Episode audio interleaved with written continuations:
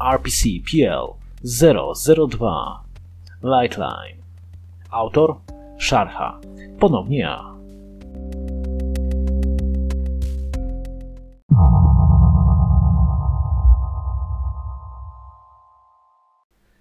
Rejestracja porządku centralnego. PL 002 Klasa Omega żółty. Zagrożenia Zagrożenie transmutacyjne Protokoły przechowalnicze Zabezpieczenie całości obiektu jest obecnie niemożliwe. Zgromadzone dotąd light rowery należy przechowywać w skrzydle magazynowym placówki 052 w strzeżonym garażu na pojazdy jednośladowe. Kluczyki do pojazdów powinny być zamknięte w sejfie na posterunku ochrony 2B. Dostęp do sejfu ograniczony powinien być do kierownika programu badawczego RPCPL 002. W granicach wytyczonych przez porozumienie między autorytetem RPC a Lightline dostęp do obiektu może być udzielany przez kierownika autoryzowanym członkom MDS na potrzeby wykonywania zadań niecierpiących zwłoki oraz pracownikom naukowym z poświadczeniem bezpieczeństwa poziomu co najmniej drugiego na potrzeby badawcze. Należy nieustannie monitorować trakty świetlne przebiegające w pobliżu ekspozytur autorytetu celem wykrycia wszelkiego ruchu zakazanego przez wyżej wymienione porozumienie.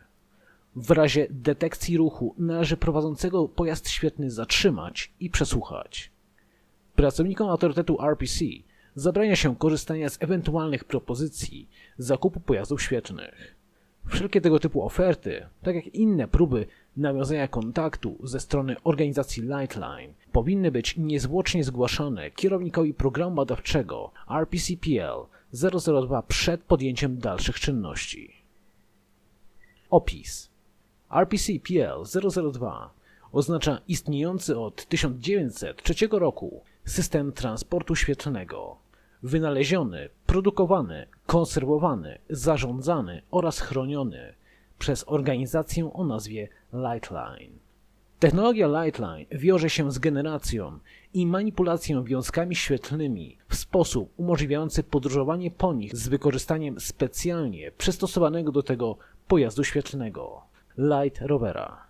RPCPL 002 składa się m.in. z Lightways, dróg świetlnych biegnących wzdłuż każdego równoleżnika wyznaczonego pełnym stopniem szerokości geograficznej oraz południka wyznaczonego pełnym stopniem długości geograficznej na wysokości 952 metrów nad poziomem morza. W przypadku przeszkód blokujących bieg drogi świetlnej, np. szczytów górskich czy wieżowców, na problematycznym odcinku ta ulega odpowiedniemu zakrzywieniu w płaszczyźnie horyzontalnej. Drogi świetne są szerokości 5 metrów i nie ulegają wygenerowaniu ani zgaszeniu, pomijając opisaną niżej sytuację zagrożenia ruchem lotniczym. Systemowi dopełniają light paths, ścieżki świetlne generowane w kwadrantach utworzonych przez pary równoleżnikowych i południkowych dróg świetnych, łączące drogi świetne zazwyczaj w płaszczyźnie zakrzywionej horyzontalnie. Generowane są na około 10 sekund przed zjazdem i wygasają po około 3 sekundach od zjazdu. Specjalne ścieżki świetlne umożliwiające podróż pionową generowane są w odpowiedzi na sygnał wysłany z pojazdu świetlnego i służą bezpiecznemu oraz szybkiemu wspięciu się na wysokość 950 metrów nad poziomem morza oraz zejściu z niej, a także w sytuacjach awaryjnych do bezpiecznego usunięcia podróżującego z drogi albo ścieżki świetlnej. Light Path dozwala na ruch jednego pojazdu, a jej szerokość wynosi około 50 cm. Pojazdy jadące w klumnie nie mogą zbliżyć się do siebie na odległość mniejszą niż 10 metrów. Chroni przed tym LightSec. Na każdym skrzyżowaniu dróg świetnych zainstalowane są komponenty podsystemu bezpieczeństwa, tzw. Tak LightSec. Zadaniem podsystemu bezpieczeństwa jest kamuflowanie dróg i ścieżek świetnych oraz zapewnianie szeroko rozumianego bezpieczeństwa uczestnikom ruchu świetnego i pozostałej części populacji. Przykładowo, poprzez analizę danych o ruchu lotniczym.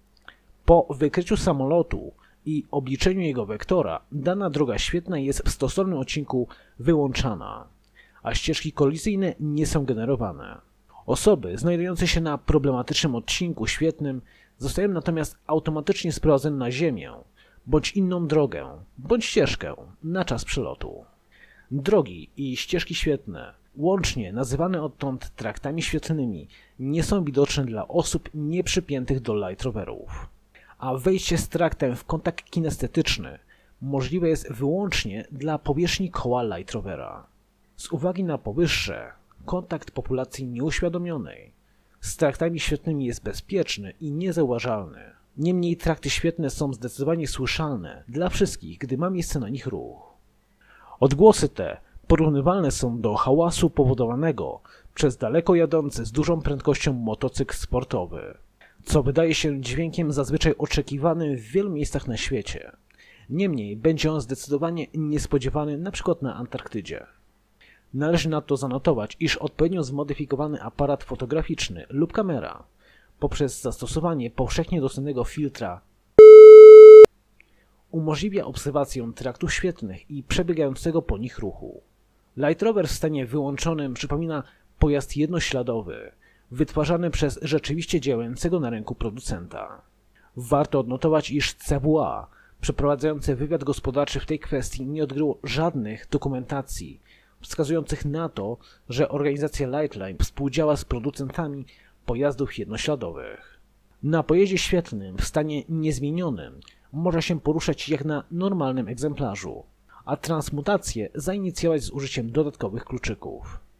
Proces ten zajmuje około 4 sekund i jest widoczny wyłącznie dla osoby, która ma założony kask. Pozostali obserwatorzy z chwilą przekręcenia kluczyków dostrzegają wyłącznie zniknięcie pojazdu.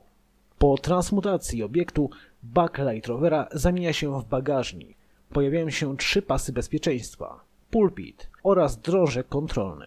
Pulpit umożliwia planowanie i porządkowanie generowanych ścieżek świetnych o wybranej krzywiźnie z wykorzystaniem drążka kontrolnego, a nadto odczytywanie ostrzeżeń meteorologicznych, notyfikacji w przedmiocie bezpieczeństwa technicznego i regionalnego, harmonogramów dostępności traktów oraz publicznych i prywatnych wiadomości od Lightline. Drożek kontrolny dodatkowo umożliwia kontrolę przyspieszenia pojazdu i sprowadzenie go na ziemię. Maksymalna szybkość Light Rovera wynosi 4200 km na godzinę, z czym obiekt może cofać się z maksymalną szybkością 50 km na godzinę. Nie istnieje możliwość zawracania. Pasy bezpieczeństwa zapinane są w szerz tułowia, i uniemożliwiają prowadzącemu zejście z Light Rovera, znajdującego się na trakcie świetnym. Znajdujące się w nich podsystemy na bieżąco kontrolują stan organizmu, mogąc wykryć stan upojenia alkoholowego, odurzenia oraz inne problemy zdrowotne mogące mieć wpływ na bezpieczeństwo ruchu świetlnego.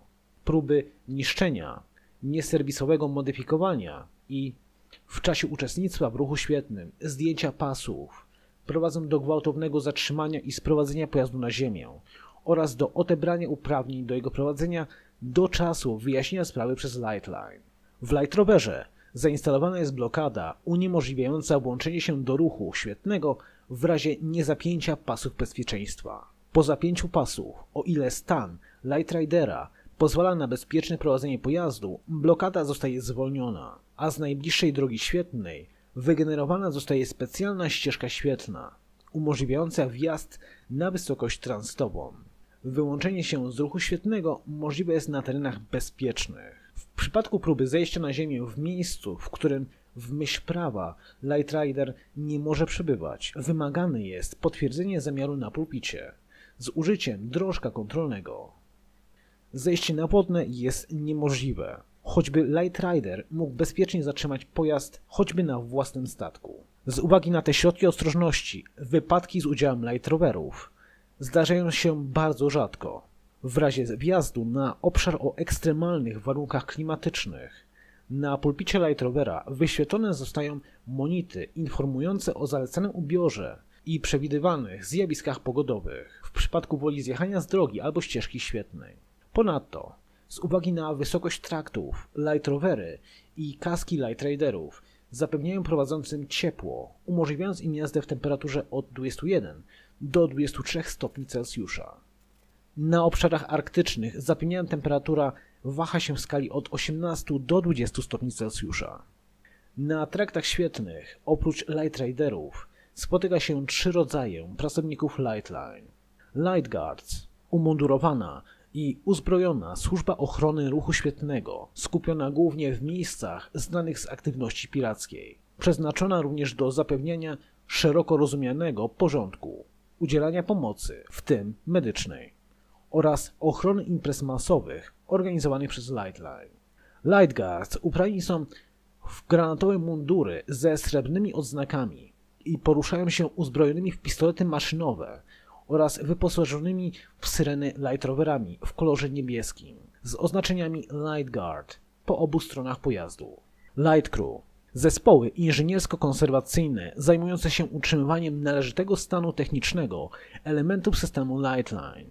Członkowie Light Crew ubrani są w szare kombinezony robocze i poruszają się Light Roverami w odcieniach szarości z oznaczeniami Light Crew po obu stronach pojazdu. Biurokraci. Nazwa nieoficjalna, funkcjonująca w środowisku Light Riderów, wykorzystywana w odniesieniu do biorących udział w ruchu świetlnym pracowników wyższych szczebli Lightline. Biurokraci pojawiają się bardzo rzadko. Zazwyczaj ich udział ogranicza się do organizowania i nadzorowania imprez masowych Lightline oraz sporadycznego kontrolowania pracy Light Crew i Light Guard. Biurokraci ubrani są w czarne kombinezony i w przeciwieństwie do wyżej opisanych grup nigdy nie zdejmują czarnych kasków, najprawdopodobniej celem ochrony swojej tożsamości. Biurokraci poruszają się czarnymi Light Roverami, bez żadnych oznaczeń. Niektóre regiony traktów świetnych znane są z aktywności tzw. Tak piratów świetnych, Light Pirates, którzy dokonują rozbojów i innych powszechnie sankcjonowanych przestępstw z użyciem nielegalnie zmodyfikowanych Light Roverów. Obecnie aktywność piracka jest nieznaczna z uwagi na coraz efektywniejszą jakość służby Light Guards, a także kontrolę sprawowaną przez LightSec. Współcześnie najbardziej narażonymi na aktywność piracką regionami świata są okolice Uralu oraz granicy kostarykańsko-panamskiej. Pochwyceni przestępcy podlegają zatrzymaniu, przesłuchaniu, utracie uprawnień oraz pociągnięciu do odpowiedzialności dyscyplinarnej przed Lightline. Może ona wiązać się z dożywotnim wpisem na listę osób, które nie mogą odzyskać uprawnień. Wpis ten jest jednoznaczny z najprawdopodobniej antymemetyczny wykasowaniem wszelkich informacji o Lightline ze wspomnień ukaranego. Szacuje się, że społeczność Light Riderów wynosi dzisiaj około 1500 osób. Nie wiadomo w jaki sposób Lightline dokonuje wyboru klientów i sprzedaży im Light Roverów, aczkolwiek cena współczesnego pojazdu świetlnego w wersji standardowej wynosi około 85 tysięcy złotych. Light Rovery nie wymagają paliwa, utylizując energię pochodzącą z traktów świetlnych. Nie istnieją dokumenty potwierdzające posiadane uprawnienia. Wszelkie dane autoryzacyjne przechowywane są na serwerach Lightline w nieznanym miejscu i pozostają do użytku LightGuard oraz podsystemu LightSec. Co 3 lata od roku 1934 Lightline organizuje zawody wyścigowe i rajdowe o nazwie Light Olympics. Impreza składa się z wyścigu Number One Wyścig polega na wykonaniu okrążenia równoleżnikowego i południkowego. Po ukończeniu wyścigu czas okrążenia każdego zawodnika zostaje podsumowany, a troje zawodników z najkrótszym łącznym czasem przejazdu zostaje nagrodzonych medalami. Poszukiwań The Escapee Poszukiwania polegają na tym, że na nieznanym trakcie znajduje się cel, czyli osoba zasiadająca na czerwonym light rowerze, a zawodnicy jej szukają. Konkurencja jest powtarzana dwukrotnie, by możliwe było wyłonienie trzech laureatów. W kolejnych iteracjach naturalnie nie biorą udziału zwycięzcy poprzednich. Oraz rajdu The Traverse. Rajd polega na wykonaniu jak najszybszych połączeń między 100 punktami na świecie bez korzystania z dróg świetnych. Ponownie laureaci wyłaniani są na podstawie najkrótszych czasów. W zawodach tych uczestniczą reprezentanci każdego kraju. Są oni wybierani spośród light riderów danego kraju. Najpierw zbierane są zgłoszenia chętnych, a następnie społeczność krajowa oddaje głos na swoim pulpicie na jednego kandydata, po czym następuje obwieszczenie listy zawodników i miejsca otwarcia imprezy. Reprezentanci zazwyczaj są utalentowanymi i doświadczonymi członkami społeczności. Złoci medaliści Light Olympics otrzymują luksusowe modele najnowszych light rowerów i pokaźne nagrody pieniężne.